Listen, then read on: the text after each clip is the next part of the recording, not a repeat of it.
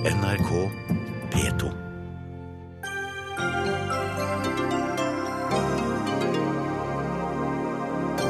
Tidenes største lekkasje er et faktum. Panama-dokumentene viser hvordan politikere, rikinger og kriminelle skjuler gigantformuer i skatteparadis. Her hjemme påstår DNB at de ikke visste at datterselskapet i Luxembourg har solgt postboksselskaper på Seychellene i ti år. Hvordan er det mulig når selv Økokrim hadde fått det med seg?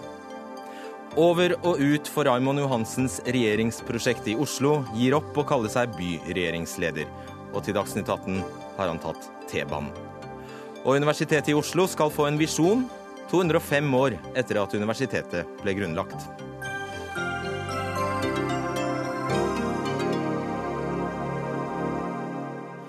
Velkommen til Dagsnytt 18. Jeg heter Fredrik Solvang.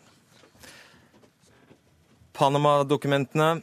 Dette er det bare å lære seg først som sist. Tidenes største lekkasje, over 1000 ganger større enn Wikileaks, viser hvordan verden stopper skjuleverdier i anonyme postboksselskaper i skatteparadis. Norske banker og rike norske kunder har vært med på det. Over 100 mediehus eh, i mange land har gått sammen om avsløringen, og Aftenposten er den eneste norske avisen som er med på dette. Håkon Borud, nyhetsredaktør i Aftenposten. 11,5 millioner dokument, hemmelige dokumenter er altså lekket ut fra et advokatfirma i Panama. Et firma som har spesialisert seg på å opprette stråselskaper i skatteparadis. Hva er det disse dokumentene viser? Ja, nå er det jo masse som ikke er publisert, så alt de viser kan jeg nok ikke fortelle om. Men det det, i hvert fall viser, er jo at tolv uh, statsoverhoder og statsledere har uh, verdier i skatteparadiser. Det de gir et innblikk i hvordan 128 politikere, embetsmenn og andre mektige fra hele verden bruker skatteparadiser for å gjemme penger. Og det gir et innblikk i et advokatfirma altså som heter Mossack Fonseca, hvor lekkasjen kommer fra som er et selskap som bygger opp selskapsstrukturer som gjør det svært vanskelig å følge pengestrømmer over landegrenser og mellom selskaper. Er det avdekket noe ulovlig?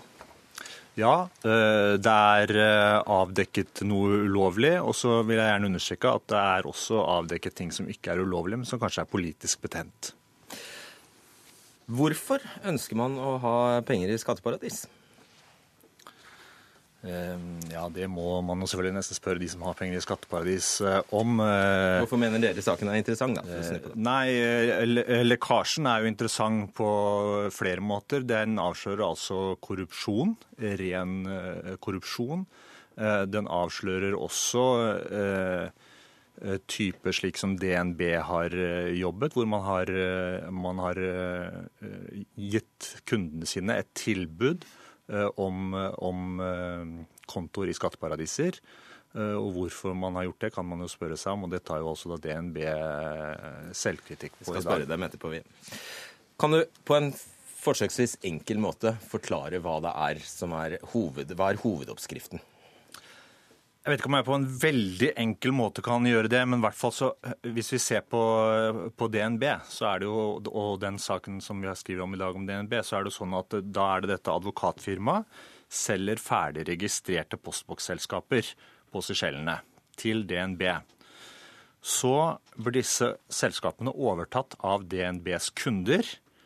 Og så står advokatselskapet for kontakten mellom myndighetene på Seychellene og står også som adresse for selskapet. Og som eier.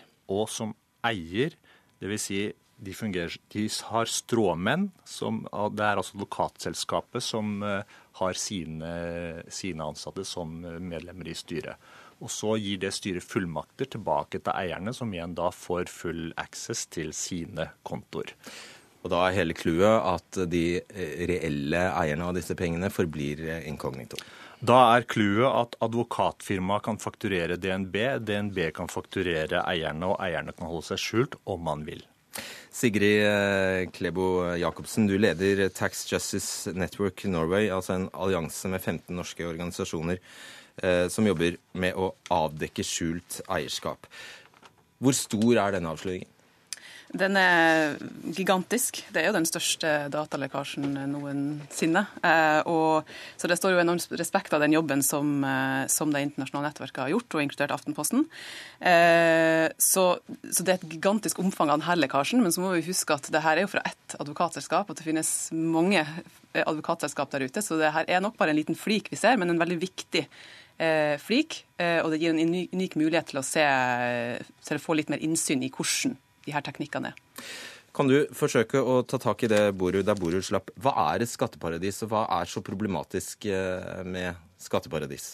Skatteparadis de eh, tilbyr hemmelighold. Altså, eh, og ulike skatteparadis spesialiserer seg på ulike teknikker for det her. Men det kan være muligheten for å opprette selskap uten at du oppgir hvem du er.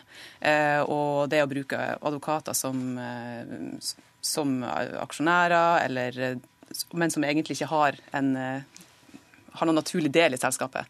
Og Dette gjør jo at det kan være umulig å følge pengestrømmer gjennom de selskapene, og umulig for andre lands myndigheter å, å avsløre mulig skatteunndragelse og annen alvorlig kriminalitet. Finnes det legitime beveggrunner for å ha en slik eh, konto i et skatteparadis?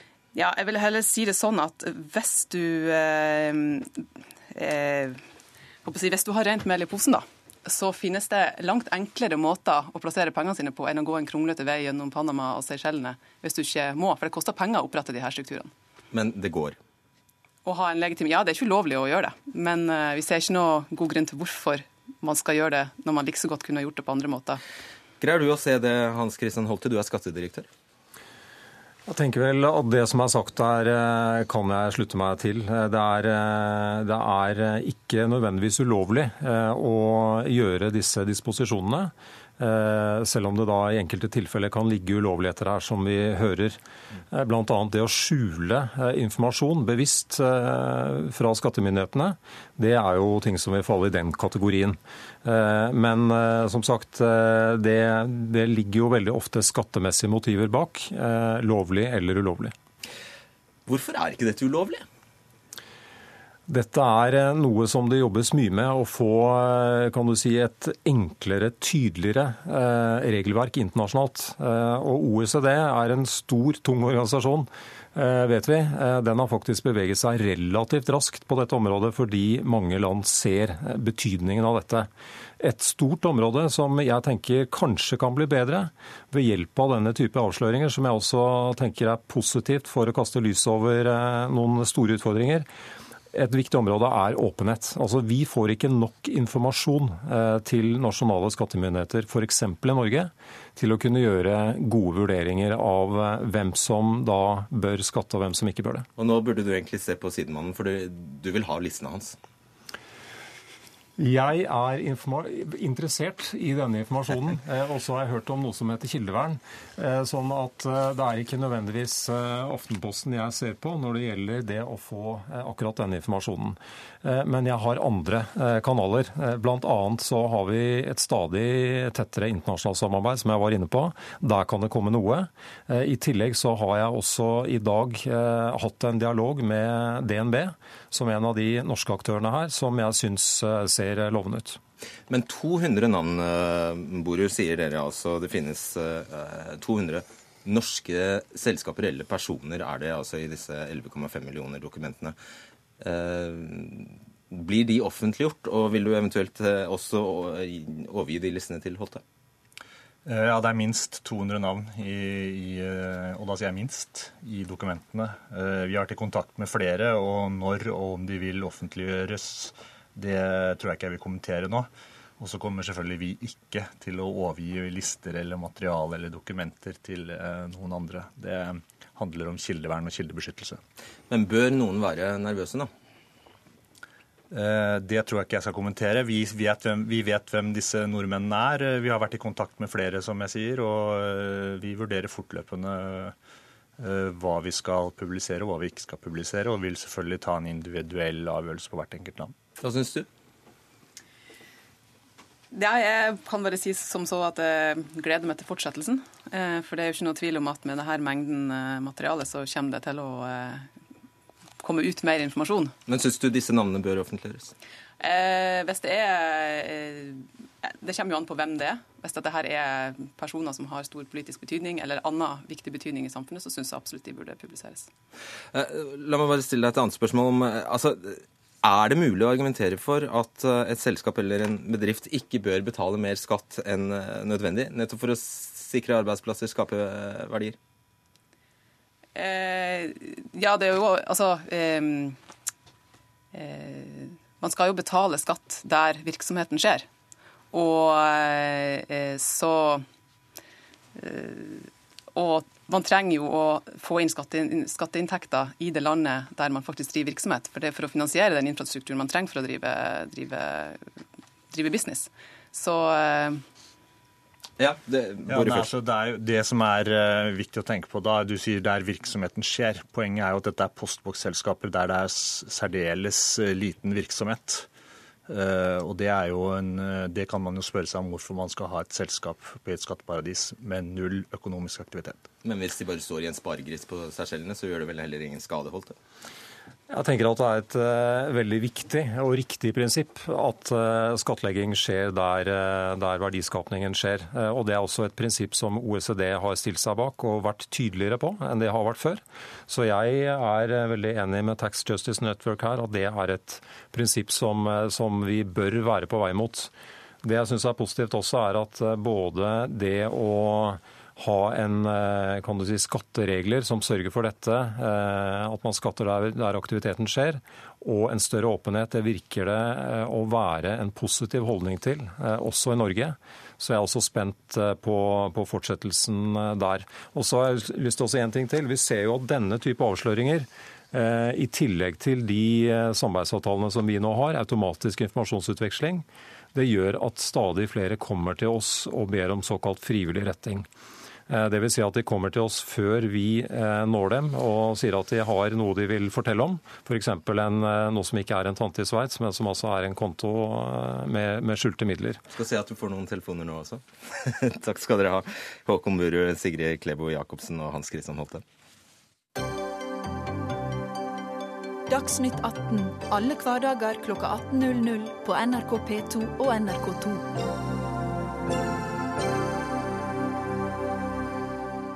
Og de internasjonale konsekvensene av den gigantiske dokumentlekkasjen har allerede begynt å komme. På Island er statsminister Sigmundur David Gunnlaugsson i hardt vær. Han er altså en av flere statsregjeringssjefer som dukker opp som eier av et skallselskap på Jomfruøyene i forbindelse med lekkasjen. Opposisjonen krever nå hans avgang, men selv sier regjeringssjefen at han vil fortsette. Eh, da skal vi ha eh, med oss deg, Jan Espen Kruse. Du har kommet deg til eh, Island, og Alltinget har møte i ettermiddag. og Det er varslet demonstrasjoner utenfor nasjonalforsamlingen. Opposisjonen krever altså statsministerens avgang. Hvordan vil du beskrive situasjonen der? Nei, Det er veldig spent her. Det er, eh, det er, jo et politisk drama det som pågår her eh, akkurat nå. Eh, møtet det har jo holdt på en times tid, og diskusjonen den fortsetter. Opposisjonen sier jo at den vil stille mistillitsforslag. Det har ikke kommet noe resultat ut av det. Men presset på statsminister Gunnlaugsson øker jo hele tiden. Selv om han altså da ikke har brutt islandsk lov, men eh, man mener han har stilt seg i en umulig situasjon. Ja, Hva er det han har gjort?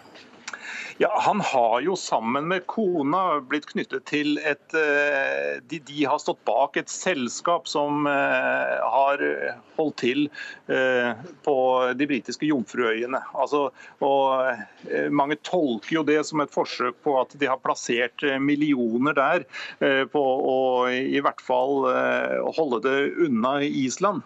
Og det er vel det som er det Han har ikke opplyst offentligheten om at han har stått bak dette her her. Tvert imot så ble han jo valgt i 2013 eh, på eh, tøffe holdninger overfor utenlandske interesser eh, som stilte krav i forbindelse med finanskrisen her. Sånn. Så mange mener han har hatt en, en dobbeltrolle ved at han ikke har opplyst om de interessene han hadde på Jomfruøyene.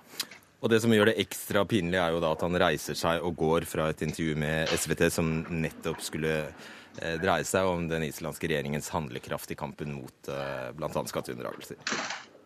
Ja, i, i høyeste grad. Og det er jo for så vidt det eneste han har beklaget i dag. Eh, han har sagt at han kommer ikke til å gå av frivillig, han eh, vil fortsette. Men han beklager at han eh, reiste seg og gikk, og at han ikke svarte på en ordentlig måte i dette intervjuet. Og det, den handlemåten der har jo forsterket inntrykket av at han har noe å skjule. Det har i hvert fall ikke hjulpet han noe som helst. Dette intervjuet har jo blitt vist om igjen og om igjen som et eksempel på hvordan en statsminister ikke skal oppføre seg. Takk skal du ha, Jan Espen Kruse på eh, Island. Vi går til deg, Morten Jentoft, korrespondent i USA. Nei, unnskyld, i Moskva. Eh, ja, denne dokumentlekkasjen viser også hvordan president Vladimir Putins venner, deriblant musikeren eh, Sergej Roldugin, beriker seg selv og skjuler enorme summer i skatteparadiser, skriver Aftenposten. Hvordan har det foregått? Ja, det har jo foregått på den måten at det er en krets av eh, Vladimir Putins gamle venner fra eh, Leningrad-tiden, altså det som St. Petersburg het tidligere, eh, som, som, er aktiv når det gjelder det som de med kan du si, sekkebegrep kan betegne som hvitvasking av penger. Det gjelder personer som Gennadij Tiltsjenko, som jo har gjort det styrtrik bl.a. på oljehandel. Og det gjelder disse to brødrene Arkadij og Boris Rotenberg. Den ene av dem er jo også med Putins judopartner. Dette er også personer da, som trekkes inn i denne saken, som via da finurlige eh, eh systemer der klarer å få penger eh, ut av Russland, og så da eh, stiller dem da til disposisjon for både seg selv og andre. Det som da kan kalles for hvitvasking, selv om også eh, The Guardian, da, som har skrevet ganske grundig om dette, sier at det mesteparten av det som gjør i prinsippet ikke er ulovlig, men det er klart at i et land hvor dette med å være patriot og fremme russiske interesser, det å betale sin skatt, det er jo pinlig at personer som er tett på Russlands presidenter, er så sterkt involvert i det. Så har vi forstått at uh, navnet Vladimir Putin ikke figurerer i disse dokumentene. Betyr det at han uh, går fri? Ja, og det er jo viktig å få frem det. Det understreker jo også eh, de som har gått gjennom disse papirene, at uh, man finner ikke Vladimir Putins eh, navn her. Og nå i ettermiddag så har Vladimir Putins pressetalsmann Dmitrij Peskov igjen da vært ute og sagt at han ser på dette da som et, et angrep styrt fra det som han kaller utenlandske agenter, som skal prøve å sverte Vladimir Putin Eh, og eh, de styrende i Russland foran parlamentsvalget som skal være senere i år, og ikke minst da foran eh, presidentvalget som skal være i 2018. Så dette blir da sett igjen på som noe slags putinofobi. Altså, Man kan ikke si navnet Putin uten å komme med noe negativt, sier Dmitrij Peskov i dag. Så her eh, ser man på dette som en, en slags ledd i en saksutvelgelse for å starte Russland. Og Det er også interessant å se at i går på de store TV-kanalene så var det ingenting om dette. Men det er klart at også her i Russland så får nettavisene større og større innflytelse. Og der er det mye kommentarer, mye stoff rundt dette. Men det når ikke ut til det store flertallet av det russiske folk, som tror nok på den propagandaen som de blir servert via de store TV-kanalene. Tusen takk skal du ha, Morten Jentoft.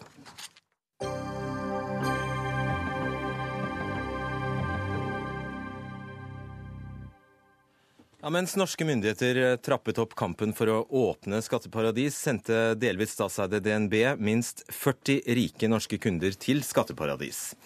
Nordea holder fortsatt på med dette, og har langt flere slike kundeforhold enn DNB i Sverige og Danmark. Nordea hadde ikke anledning til å komme til Dagsnytt 18 i dag, men det hadde DNB. Thomas Midteide, konserndirektør for kommunikasjon i DNB. Kan du nå bekrefte at DNB helt inntil i fjor driftet postboksselskaper på selv? Ja, som du sa, 40 selskaper ble satt opp av eh, banken vår i Luxembourg mellom 2006 og 2010. Eh, og så ble disse stengt ned igjen, og det siste ble stengt i 2015. Så dette er et avsluttet kapittel for DNB. Et halvt års tid har de vært avsluttet? Ja. ja. Har noen i den norske ledelsen i DNB visst om dette? Nei, dette er en sak som ikke har vært behandlet verken i styret eller konsernledelsen i DNB, så vidt vi vet, og heller ikke i noen norske andre eh, organer. Um, så dette er gjort lokalt i i Luxembourg. Mm. Men, Men, jeg spurte egentlig om de visste om det, ikke om det var blitt styrebehandlet. Ja, nei. Eh, dette fikk eh, konsernledelsen, inkludert konsernsjefen, eh, vite om da av Aftenposten uken før påske. Så ingen nordmenn i DNB i Norge har visst om dette? Nei, Dette skal vi fortsatt eh, bruke litt tid på å finne ut av. Men uh, igjen, dette er iallfall ikke behandlet av noe organ i Norge, så langt vi vet i dag.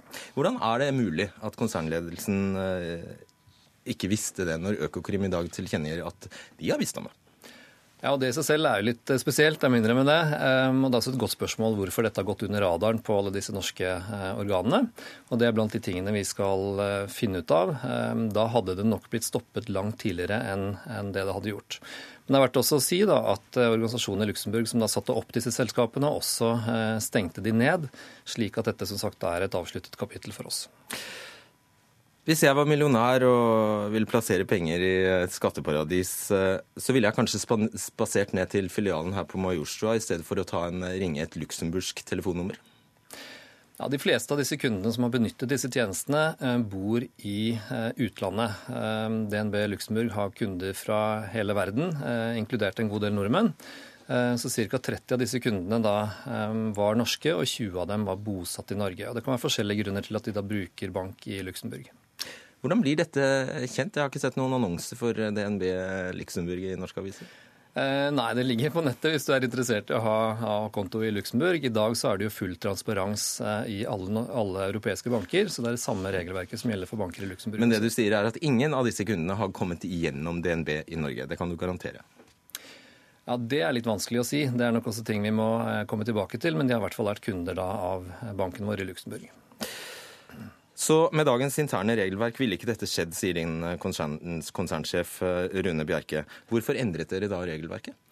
Som du har vært inne på tidligere i sendingen, så har det vært en stor endring både i internasjonale regler eh, og også transparens knyttet til bankvirksomhet i Luxembourg og i andre europeiske land.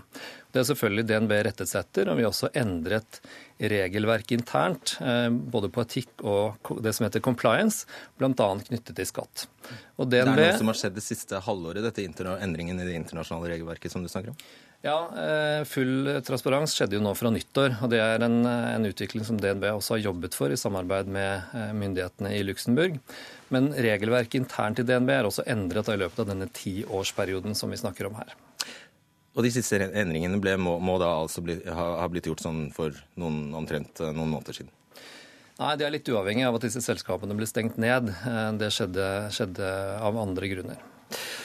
Finnes det noen annen grunn som du kan se det til eh, å legge til rette for eh, skatteunndragelse eh, til å kjøpe selskaper fra Mossack Fonsecas Luxembourg-avdeling, registrert på Seychellene, tilby disse selskapene til norske kunder som forblir ukjente for alle myndigheter, for så å leie inn ansatte fra Mossack Fonseca som styremedlemmer, som, igjen gir kundene fullmakt til å disponere pengene. Finnes det noen annen årsak til å gjøre sånt enn å ville unndra seg skatt? Jeg vil ikke spekulere i kundenes årsaker til å velge eh, denne løsningen, men det som er helt sikkert at dette er en ordning som kan brukes til å eh, skjule formue. Og nettopp derfor, helt uavhengig om dette er lovlig, så skulle DNB aldri gjort dette, og vi er eh, veldig lei oss for at det skjedde. Jeg bare lurer på om det finnes noen annen grunn? Ja, jeg er ikke i posisjon til å, eh, til å, eh, opprette sånne selskaper selv, så det vet jeg ikke. Men kunder som sagt kan ha legitime grunner for det. Som både Tax Justice og skattedirektøren også var inne på tidligere i dag, så er det ikke ulovlig. Men DNB skulle uansett ikke gjort dette. Nei, Disse 40 selskapene på Seychellene hadde forbud mot å drive næringsvirksomhet og kjøpe fast eiendom på Seychellene. Bare det skulle vel kanskje få noen varsellamper til å blinke, heller? Ja, igjen så kjenner ikke jeg til kundenes eh, Nei, valg og hvordan, hvordan, de har gjort det. Eh, men, men, dette kan ha vært i forhold til byråkrati eh, og også andre skatterelaterte spørsmål som er legitime. Men, eh, men igjen, dette det er noe vi Smith, gjerne det, skulle ha ugjort. Ja, Det skjønner jeg, men mm. det har ikke vært ukjent for DNB at, disse, at innehaverne av disse uh, selskapene hadde forbud mot å drive næringsvirksomhet eller eie faste eiendom? Nei, Disse strukturene er det jo eh, DNB som har bidratt til å sette opp, så de har vi kjent godt til. Og da spør jeg, burde ikke varsellampene blinke, da? Jo, det er jeg helt, eh, helt enig i. Og, og, hvorfor de ikke gjorde det, er jo de spørsmålene som vi også stiller oss nå i den gjennomgangen vi har, eh, og også den redegjørelsen vi skal gi både til styret i DNB og til Nærings- og fiskeridepartementet. Har lovendringen på Seychellene i 2013, som altså gjorde at eierskapet til selskaper eh, ikke lenger kunne holdes skjult, noe å gjøre med at dere har avviklet disse kontoene? Det er nok sannsynlig at det har en sammenheng med at disse selskapene ble tatt ned. Samtidig så ser vi at andre banker eh, har mange av disse selskapene fortsatt i drift. Eh, men for noen kunder så kan nok det ha hatt noe å si, ja.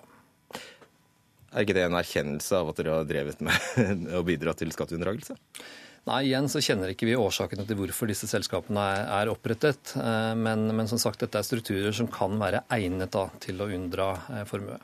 Du, hvor tror du det har blitt av alle disse millionene som en gang sto i konti på selv? Det vet ikke jeg. Jeg har heller ikke tilgang til kundeopplysningene. Ehm, så det kjenner jeg ikke til. Men det kan være investert i verdipapirer eller aksjer eller rente for den saks skyld. Eller forsvunnet til et annet skatteparadis? Igjen, Det er nok opp til kundene å, å, svare på hvor disse pengene er i dag. Roger Skjerva, som var statssekretær i Finansdepartementet da eh, skriver, eh, altså under de rød-grønne for Kristin Halvorsen, skriver på sin Facebook-side mens Norge og Finansdepartementet fra 20, 2006 trappet opp kampen mot muligheten for å skjule penger i utenlandske jurisdiksjoner, bygget DNB opp en eh, skjule penger-struktur i utlandet som la til rette for kriminalitet. Banken var samtidig ikke for blyg til å be norske myndigheter om hjelp til å komme seg gjennom finanskrisen krisen med det såkalte gullkortet som dere mm. da fikk. I dag blir jeg kvalm av å tenke på DNB. Har du ja. sittet der? Det er brukt mange sterke ord i dag, både fra politikere og andre. Eh, og jeg skjønner veldig godt at folk reagerer sterkt på dette. Eh, igjen, dette er ikke noe vi i DNB er stolt av, og som vi veldig gjerne skulle ha ugjort. Eh, disse 40 selskapene er 40 selskaper for mye, selv om det var lovlig, og selv om de er stengt ned for godt. Hva skjer om det viser seg at ikke at du snakker usant nå, men at uh, du rett og slett tar feil? At det faktisk er noen i konsernledelsen eller i den norske DNB som har visst om dette. Hva skjer da? Vi skal nå gjennomføre en veldig grundig gjennomgang, eh, som både styret og eh, ministeren har bedt oss om å gjøre. Eh, og Vi skal snu hver stein så langt det lar seg gjøre for å, for å, komme til bunns i disse spørsmålene. Men basert på det vi vet i dag, så er det altså ingen organer i Norge som har behandlet eh, disse sakene. Du vil ikke debattere dette med noen? Hvorfor ikke? Vi kan godt, uh, godt det, men, uh, men, i dag så var det uh, greit å hvert fall få, få snakket om, om, vårt syn på saken og, og, der vi står i dag. Og igjen så er dette en veldig veldig uheldig sak både for DNB, alle som jobber der, og for, for ledelsen i selskapet. Ok. Takk skal du ha, Thomas Midthaug. Vi skal bare legge til at Aftenposten da skriver at Nordea konkurrenten fram til utgangen av 2015 eh, har administrert knapt 370 selskaper hos Mossack Fonseca på vegne av sine kunder. Bare ti banker har hatt eh, flere. Takk skal du ha.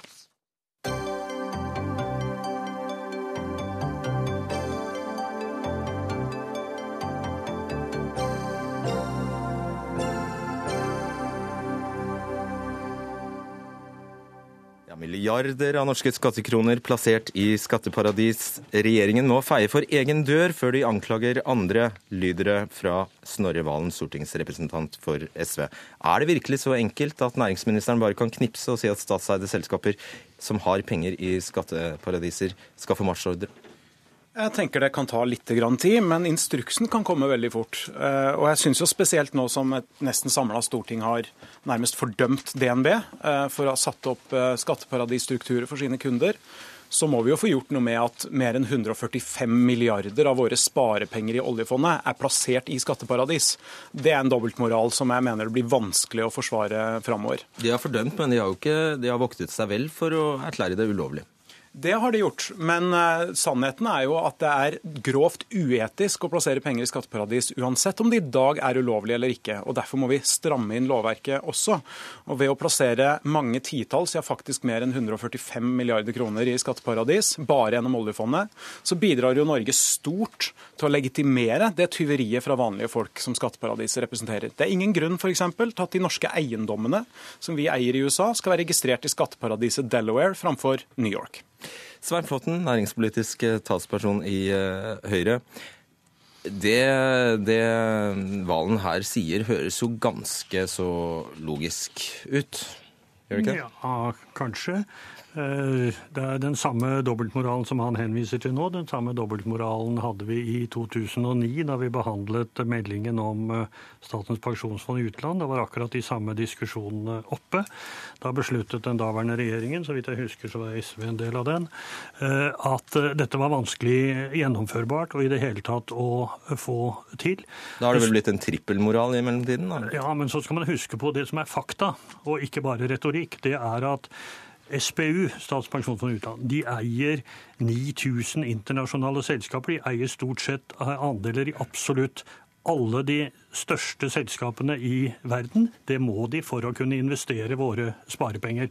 Og disse selskapene igjen har forgreninger. De kan ha datterselskaper i skatteparadiser. Men det betyr ikke at de gjør noe ulovlig. Jeg har men, men, bare jeg vil avbryte deg, for, for det er jo mye mer direkte enn som så. Statoil, norske Statoil har altså 23 selskaper i den amerikanske delstaten Delaware, som du, eh, Valen, betegner som et skatteparadis. Det er eh, helt riktig, og grunnen til at de har det, det er at de jobber sammen i mange land for å utvinne naturressurser. Der betaler de en naturressursskatt på det. De tar ikke all risikoen selv. De har en joint venture med mange forskjellige selskaper. Så må de ha en enighet om hvor de skal ha hovedkontoret henne.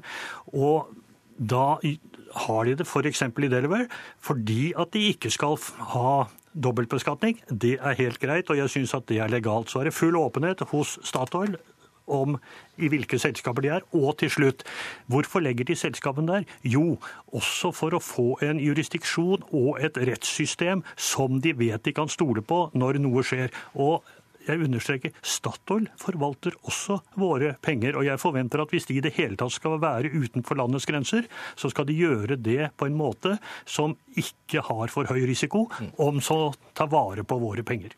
Svar kort på det. Ja, Det er de mekanismene som gjør at skattepenger stjeles fra folk i hele verden og puttes i skatteparadis. Det er jo ikke alle som plasserer store summer i skatteparadis som er banditter, men man legitimerer den praksisen gjennom å plassere penger i skatteparadis. Så er det jo ikke heller helt riktig det Flåtten sier. Det er riktignok litt komplisert å trekke oljefondet ut av selskaper som holder til i skatteparadis. Da må du lage kriterier for hva det er. Du må lage en uttrekksmekanisme, en mekanisme for eierstyring. Men vi har jo våre egne eiendomsporteføljer plassert i skatteparadis i oljefondet oljefondet. Det er altså selskaper som oljefondet sjøl har oppretta for å forvalte våre eiendommer og våre sparepenger. Og det er jo fullstendig meningsløst. Det er jo å si til hele resten av verden at det gjelder én moral for Norge og en annen moral for alle andre som vi prøver å bekjempe. Velkommen tilbake, Sigrid Klebo Jacobsen, fortsatt leder i Tax Justice Network Norge. Eh, deler du Valens bare for å ta det først, deler du Valens syn? Er det så eh, enkelt som å bare trekke ut alle selskaper som, eh, fra, altså, som oljefondet har investert i skatteparadiser? Jeg syns helt klart at det er noe vi må se på. Fordi det, det oljefondets eh, da ganske massive investeringer i skatteparadis, og spesielt gjennom eh, de fysiske datterselskapene som de har. Eh, når man ser hvor store problemer skatteparadis lager, og sett i lys av denne enorme lekkasjen, så, tar det seg veldig dårlig ut. Jeg syns at man har et forklaringsproblem da, når man opererer på den måten. Så jeg syns helt klart at man er nødt til å se litt på hvilke, og begrense den, eh, den, der så mye som mulig. Og hvilke selskaper skulle til slutt eller hvilke, ja, hvilke selskaper skulle til slutt ønske å velge Norge, hvis vi har verdens strengeste regler på dette området? På, investere på, i Norge? Som ønsker å investere i Norge hvis vi er mm. åpne. Ja, men da kommer vi tilbake til hva Norge, Norge bør gjøre for å, eh, for å, få til mer åpenhet for selskaper som opererer i Norge. Eh, der har et samla storting stilt seg bak allerede. Eh, åpne eierskapsregister. Men her er jo igjen, da, eh, når altså, djevelen ligger i detaljene, da, hvordan eierskapsregister kommer vi til å ende opp med. Jeg tror ikke det er noe fare ved at Norge har jo allerede åpne lover på mange felt sammenlignet med andre land.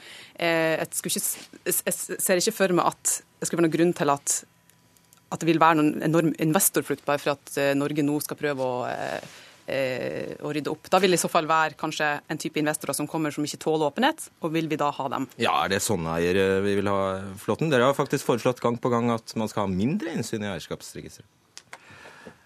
Det har vi egentlig ikke, og vi har gått inn for de siste vedtakene. De var faktisk enstemmige i Stortinget om det siste eierskapsregisteret, så slik er det ikke. Men når det gjelder, jeg har lyst til å si at jeg er enig med Valen i at eh, det at det finnes skatteparadiser, legitimerer disse ordningene. Men hvis vi da skal få bukt med det, så må vi gå internasjonalt til verks. Så det gjøres et betydelig arbeid gjennom OECD for å få det til. Det bør fortsette. Der bør Norge være en pådriver. For det er først når vi får med alle land på det, at dette fungerer. Og så har jeg også lyst til å si, jeg skal være kort nå, til Valen, at eh, det er ikke noe mer dobbeltmoralsk å jobbe på den måten som denne regjeringen gjør i 2016 med disse tingene, enn det var å ikke gjøre noe med det i 2007 og i 2009, da dette var oppe i Statens pensjonsfond utlands årsberetning. Ærlig talt, jo, det det er det. fordi Nei, det er det forskjell, ikke, Forskjellen Valen. er at Kristin Halvorsen og Sigbjørn Johnsen gjennomførte en rekke tiltak gjennom åtte år for å bekjempe skatteparadis, mens Høyre har f.eks. har lagt vår stortingsmelding om rettferdig fordeling og bekjempelse av skatteparadis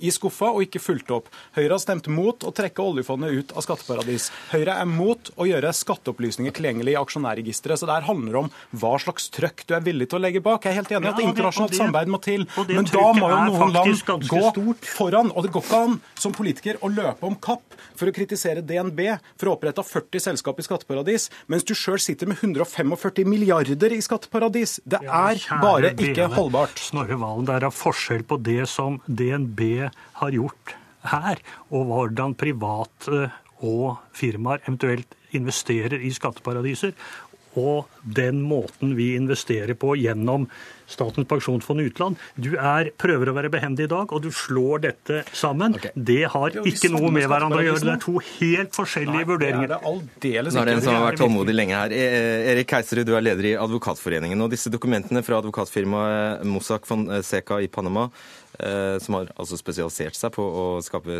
eller opprette stråselskap i skatteparadiser. Eh, Er det mulig at advokater i Norge driver med det samme? Altså Det kan jeg jo selvfølgelig ikke si sikkert at de ikke gjør. Men eh, det, vi hadde en utredning i 2009, det såkalte Skatteunndragelsesutvalget.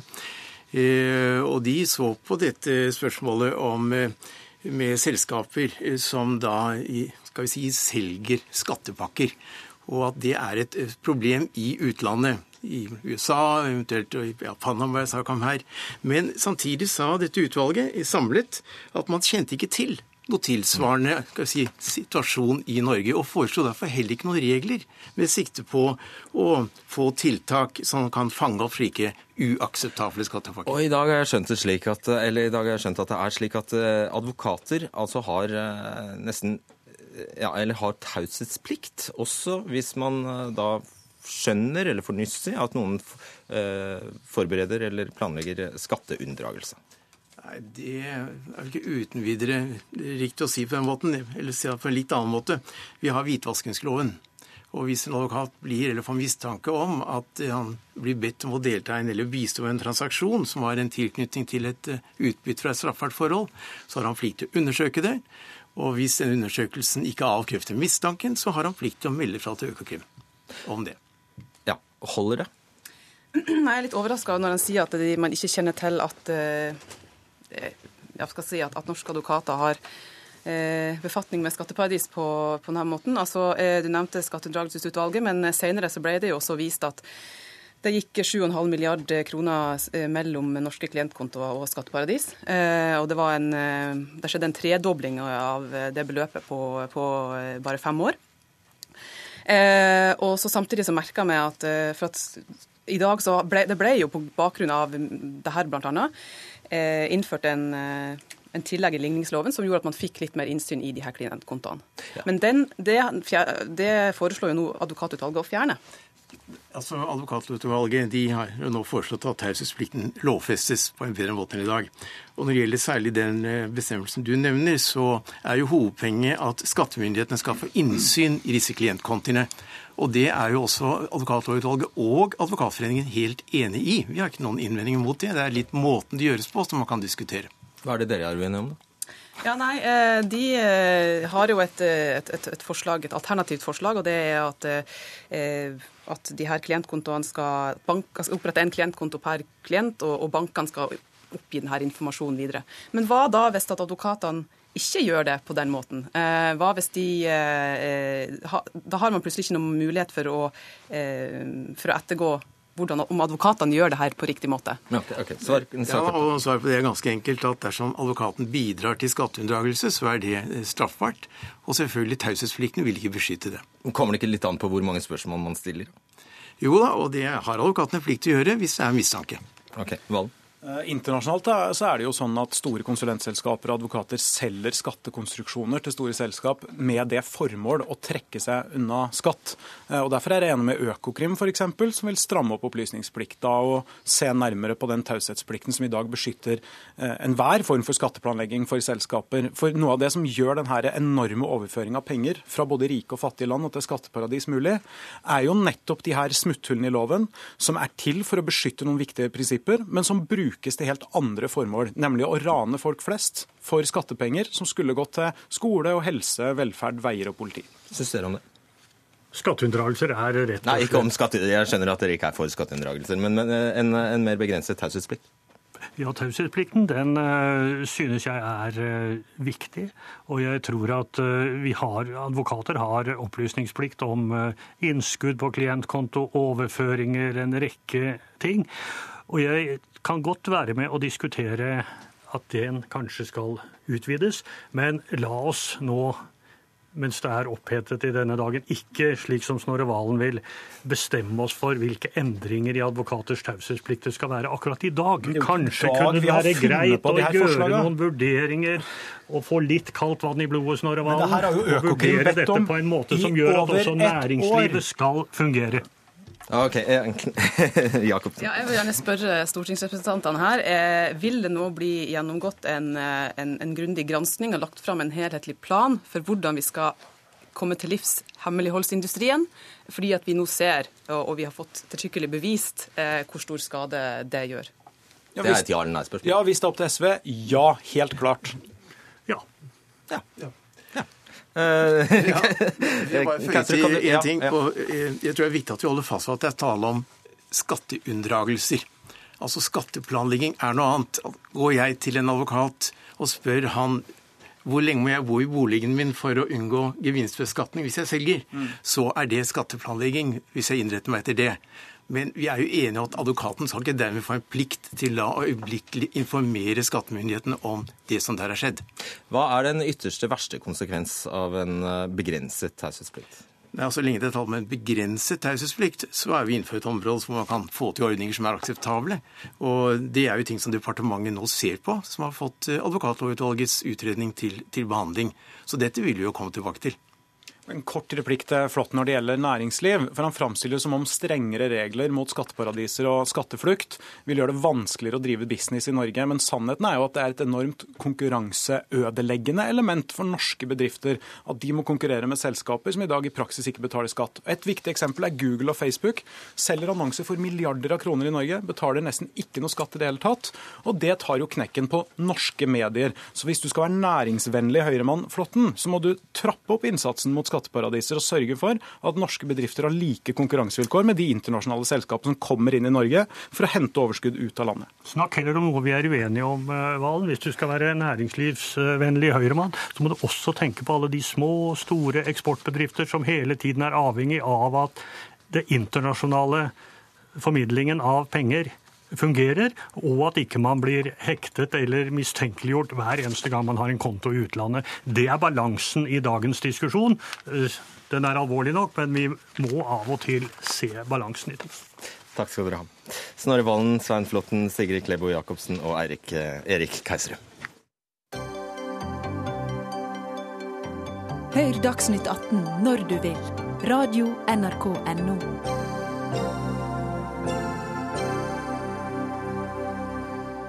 Da er det klart. Oslo Arbeiderpartis Raimond Johansen får ikke omdøpe byrådet til byregjeringen i Oslo. For i dag sa Kommunaldepartementet nei. Så nå får det gode, gamle navnet Byrådet duge, også for Johansen. Eh, velkommen hit. Takk for det. Byrådsleder eh, Raimond Johansen. Eh, på kommunens nettsider i ettermiddag står det fremdeles om byregjeringens kontor. Byregjeringen består av byråder som tilsvarer statsråder i en regjering. Byregjeringslederen er Oslos statsminister. Hvorfor har du ikke fjernet det? Fordi vi må få det omgjort i bystyret på onsdag. Og da skjer det? Da skjer det. Skjønner du at dette forsøket på et navnebytte ble oppfattet som både pompøst og jålete? Eh, det er et år siden jeg gikk til valg, eh, bl.a. på en eh, tydeligere Oslo-offentlighet. Og eh, det er nå et faktum da at veldig mange i Oslo eh, faktisk ikke aner om hvordan byen er styrt, om hvem som har hvilket ansvar. Og eh, jeg ønsket med å kalle byråd, som jo ikke er et råd, men et utøvende organ, som man også gjennom media bl.a., når de skal beskrive hva et byråd er, så sier de det er som en byregjering på et bynivå. Så det var et ærlig forsøk, ja, vi vet at det var klar... et ærlig forsøk, et ærlig forsøk på å Ja. klargjøre det. Og Men spørsmålet si mitt var om du kan forstå at det etter hvert da ble vridd til å være pompøst og jålete. Altså ut fra liksom, Jeg er 55 år og enormt lite opptatt av titler. Det er meg helt knekkende likegyldig. Byrådsleder er da ikke noe dårligere navn. Det var et ærlig forsøk, og jeg mener at det er et demokratisk problem at byens innbyggere ikke helt har god nok innsikt i hvordan byen styres. Derfor hadde jeg faktisk, som det også kom fram i media i dag, bestemt meg for å droppe dette før Kommunal- og moderniseringsdepartementet i dag kom med sin Ja. Det skal du ha oss til å tro. Ja, det, det satt jo i et intervju med Dagsavisen, som du kan lese der. og Jeg tok det opp med byrådet på torsdag, og hadde i grunnen tenkt å ta saken ut på fredag. fordi Hovedproblemet har vært at det har skygget etter hvert for politikken, for vår satsing på barnehager, på eldre, på miljø og klima. Og så mye er ikke en navneendring verdt. Nettopp. Hvordan kom du deg hit til Marienlyst i dag? Jeg tok, eh, tok T-banen fra Nationaltheatret opp hit. Du, Jeg skjønner, jeg skjønner for så vidt hvor, hvorfor du spør om det, men eh, det gjorde jeg i dag. I går slettet du et spørsmål på Facebook øh, om du tok Rai-mobilen til åpningen av T-banen på, på Løren. Og Siden vi da ikke fikk svar på Facebook i går, så stiller jeg det nå. Hvor mye har du brukt denne Brukte du tjenestebilen til åpningen der i går? Nei, Det var jo en gigantisk åpning av Løren T-banestasjon, som gikk fra eh, Stortingets T-banestasjon og opp til eh, Løren. Og eh, jeg tok T-banen både opp til Løren og ned derfra. Men eh, la meg si det, når det gjelder denne byregjeringssaken, så er det ene og alene mitt ansvar. Vi har fremmet det. Når det gjelder bilordningen, så ble den etablert etter 22.07.2011. Og som et bredt politisk flertall i bystyret gikk inn for å etablere. Ikke din skyld, det er det du sier. Altså, dette er en ordning jeg har, har arvet av, eh, av andre, som jeg selvfølgelig også Arbeiderpartiet støttet i sin tid. Og vi har hatt en gjennomgang i dag, fordi at jeg har bedt rådhusforvalteren hatt en fornyet gjennomgang av hele sikkerheten for rådhuset. For ansatte, for politikere, og det er en sak som er ferdig i løpet av høsten, hvor bilordningen er en del av det også. Ja, Vi skjønner det at eh, du på en måte har arvet denne biltjenesten og fått den eh, i fanget, men likevel så er det vel sånn altså du har, du har eh, stått hardnakket på at du har og benytter denne biltjenesten av Absolutt. sikkerhetshensyn. Ja. Var det sånn at politiet faktisk sa at du, Raymond Johansen, må kjøre i denne bilen? Jeg, noe av det første jeg gjorde etter jeg blei byrådsleder, var å ta med alle mine byråder, ha møte med biltjenesten, med eh, politiet og med rådhusforvalteren for å bl.a. gjennomgå sikkerhet. Og Da sa Oslo politikammer at når, hør her, når dere har en slik tjeneste, så anbefaler vi å bruke den. Nå er det ikke sånn at jeg verken bruker den hele tida eller føler meg utrygg, men det er en tilgjengelig tjeneste vi bl.a. Ja, men bruker for det formålet. Men du har jo også- byråder som sykler og som Ja, eh, går, det. som burde være like utsatt som deg. Ja, men jeg gjør da det, jeg òg. Jeg sykler ikke så mye der oppe fra Alna, men jeg tar da T-banen og går. Og når det blir vår, så har jeg tenkt å løpe litt også. Og så er det jo også selvfølgelig det at man fraktes gjennom i en hektisk eh, hverdag i tillegg. Det er en tjeneste som har stor oppslutning, og alle partiene har stått bak. Som jeg har bedt om en gjennomgang av. Og det, det må vi ha. Eh, sikkerhet har også blitt anført som eh, årsak til at du kjøres rundt i en bil med piggdekk. Hvorfor legger, ilegger du da gebyr for andre som vil kjøre med piggdekk? Jeg håper at de har gebyr på den nå. Igjen, det er ikke Stian Berger Røsland eller Fabian Stang som har gått inn og kjøpt denne Audien og bestemt at det skal ha piggdekk på dem, like lite som jeg har gjort. Den er kjøpt av Rådhusets forvaltningstjeneste. Jeg ante faktisk ikke, og det er kanskje min ignoranse, at den hadde piggdekk. Men det er jo da deres vurdering. Og jeg håper da inderlig de betaler den piggdekkavgiften som de skal Ja, det gjøre. har de sagt de gjør. Men jeg har jo også, må jo ærlighetens navn si, at jeg i løpet av de ni månedene siden denne bilen har blitt eh, bestilt, ønsker jeg jo nå at man raskt ser på muligheten, ut fra også bl.a. sikkerhet og andre, om man kan finne andre biler enn en denne. Og Det som da er litt eh, rart, er at du altså har sittet i 166 dager. Du har brukt denne bilen i 166 dager, Raymond Johansen. Hvorfor det har jeg du... ikke. Hva sa du? Eh, Det har jeg ikke. Nei, nei, men du har hatt Fordi tilgang på denne, denne, bilen. denne bilen kom ikke så for altfor lenge siden, for vi hadde en annen type bil før. Og så var denne bestilt, sånn at den har vært igjen. en, eh, Siden nyttår cirka?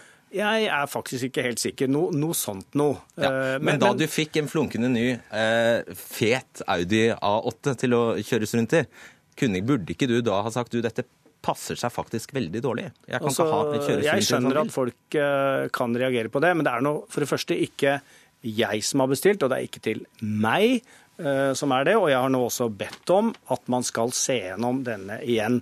Jeg kan ta ansvaret for veldig mye, og jeg har tatt ansvaret nå for å ha en gjennomgang av sikkerheten for politikere, for ansatte. Ja, hvor bilordningen Burde du ikke ha sett det tidligere? Bilordningen. De har jo valgt ut, forhåpentligvis, antar jeg, det riktigste alternativet ut fra den bestillingen de fikk for ni måneder siden.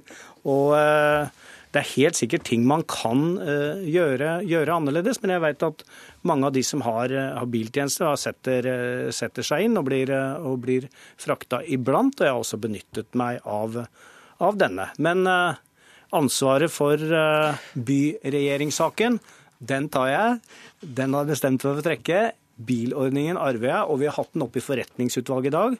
Og mitt inntrykk er at det er stor politisk oppslutning blant alle partiene om at vi har en gjennomgang, og at bilordningen er en del av det. Og alle aller siste spørsmål. Jeg forstod, jeg forstod det sånn på rådhusforvalteren at eh, første mulighet for å bytte ut disse bilene er i 2018. Så du må slite med denne Audien en det var, da vet du mye mer enn meg, faktisk. Ok. Du tror du kommer deg ut av avtalen før? Altså, Det vet jeg ikke, men de har nå i hvert fall sagt at de skal se på det så fort som mulig igjen. Så da får vi nå se på det. Lykke til, Raymond Hansen. Tusen takk. Takk.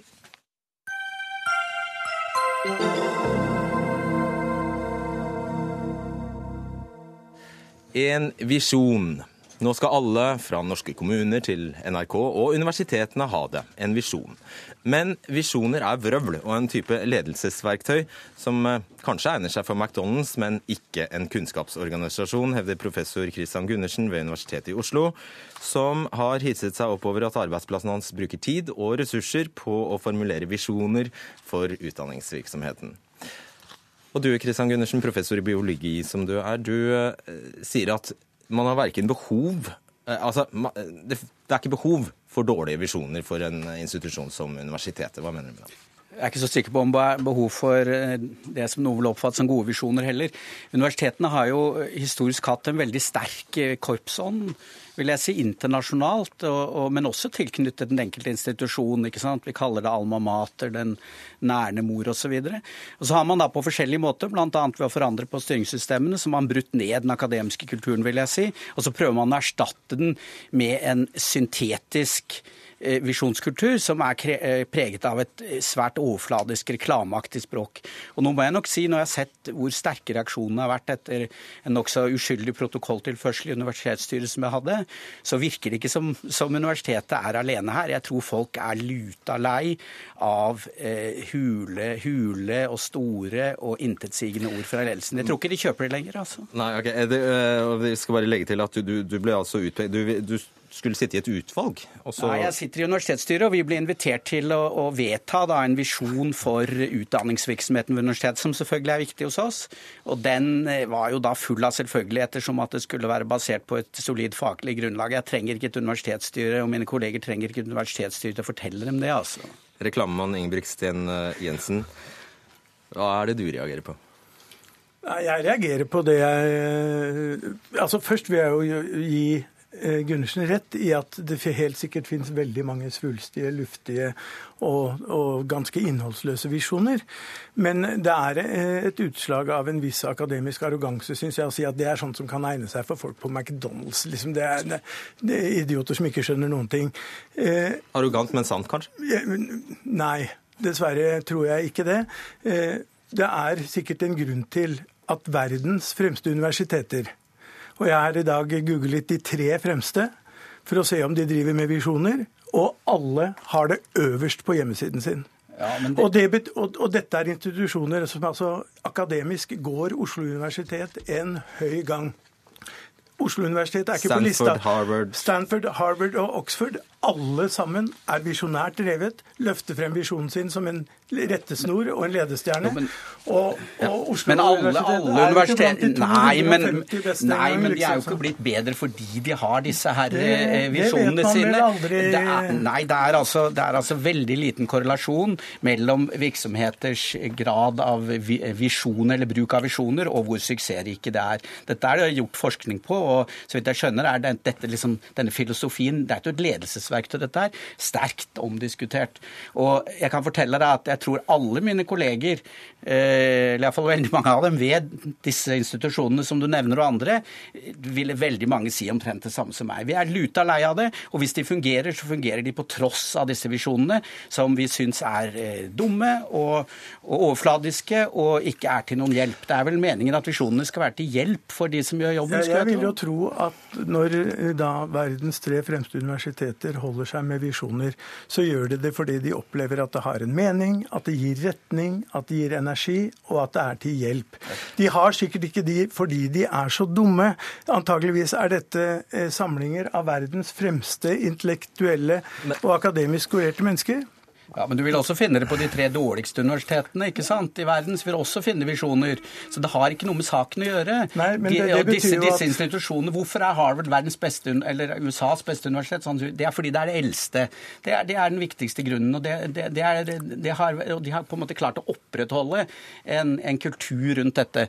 Eh, men, men Var det så, det skader, da, Gunners? Ja, det tror jeg. fordi at det er så overfladisk. Og, og hvis du leser f.eks. alle kommunene har sine egne visjoner, som, hvor nesten alle er, er like svulstige og, og, rare. Og du har f.eks. skoler. Det kan være to skoler i en kommune. Skoler gjør omtrent det samme. Som har hver sine visjoner.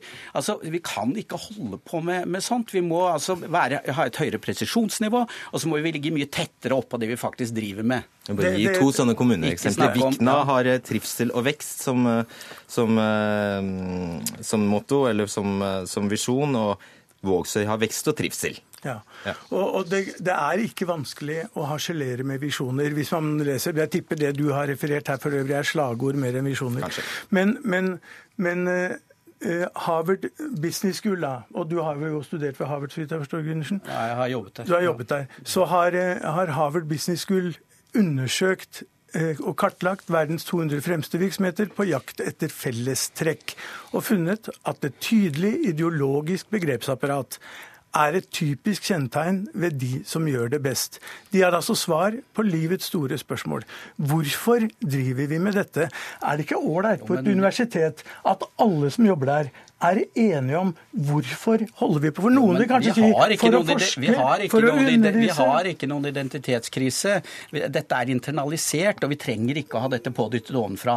Det disse visjonene handler om, og, og, og som de er utviklet for, er jo, er jo, som et ledelsesverktøy. Det er å påtvinge så å si eh, andre sine visjoner. Er det ikke like gjerne for å differensiere? altså Nå har vi vel åtte universiteter og et utall høyskoler. Er det ikke like gjerne for å differensiere dem? Og de skal jo da, operere i en konkurranse, alle, alle, alle prøver jo å vedta det. Alle skal jo være verdensledende og lengst fremme og, og høy kvalitet og internasjonal eh, på toppforskning og hva det nå er. Alle har de samme visjonene. Det er vel noe av problemet her. Eh, noen visjoner burde kanskje være litt mer beskjedne. Husk på at visjon er jo egentlig et religiøst begrep. altså. Og 205 år etter at universitetet ble grunnlagt, så er det vel i seineste laget å komme med en visjon nå? Altså, En visjon skal gi retning, energi, mening og, og ja, men, lyst til å stå på. Og, det gjør ikke, og, og det, at, det gjør ikke disse visjonene. Det at, eh, det at noen at visjoner ligner hverandre, gjør ingenting. Det er ikke om å gjøre å ha en, en, formulering som ingen andre i hele verden har klart å komme på. Det viktigste med en visjon er at folk kan si det gir mening. Det gir meg en grunn til å stå opp om morgenen og gå på jobben. Det er det en visjon skal si. Og, og hvis, hvis, eh, folk i, et, eh, i, en, i, en, arbeidsplass har helt vidt forskjellige opplevelser av hva er det egentlig vi holder på med, så er jo ikke det noen jo, fordel. Selv ikke i akademia, vil jeg tro. universitet er en Ja, svært og- mangfoldig bedrift. Og kan altså kan man jo ha som visjon at her er vi uenige om alt, og det er helt ålreit, Det er jo ikke universitetsstyrets vedtak som får meg opp om morgenen. Og, eh, ikke sant? og jeg har lyst til å sitere altså, hvis jeg får veldig, lov, veldig ja, veldig kort, Tom Karp som sendte meg en e-post som er professor i ledelse. og Han sier at det er absolutt ingen korrelasjon mellom luftige visjoner meislet ut av profesjonelle ledere, organisasjoner som lykkes. Visjoner fungerer kun som legitimerende artefakter for godt betalte ledere, sier han. Vi lar det være punktum. Tusen takk skal dere ha, Christian Gundersen og Ingebrigt Sten Jensen. Dagsnytt 18 er over. Det var Ida Tune Øresland som var ansvarlig. I teknikken Lisbeth Selreite og i studio Fredrik Solvang.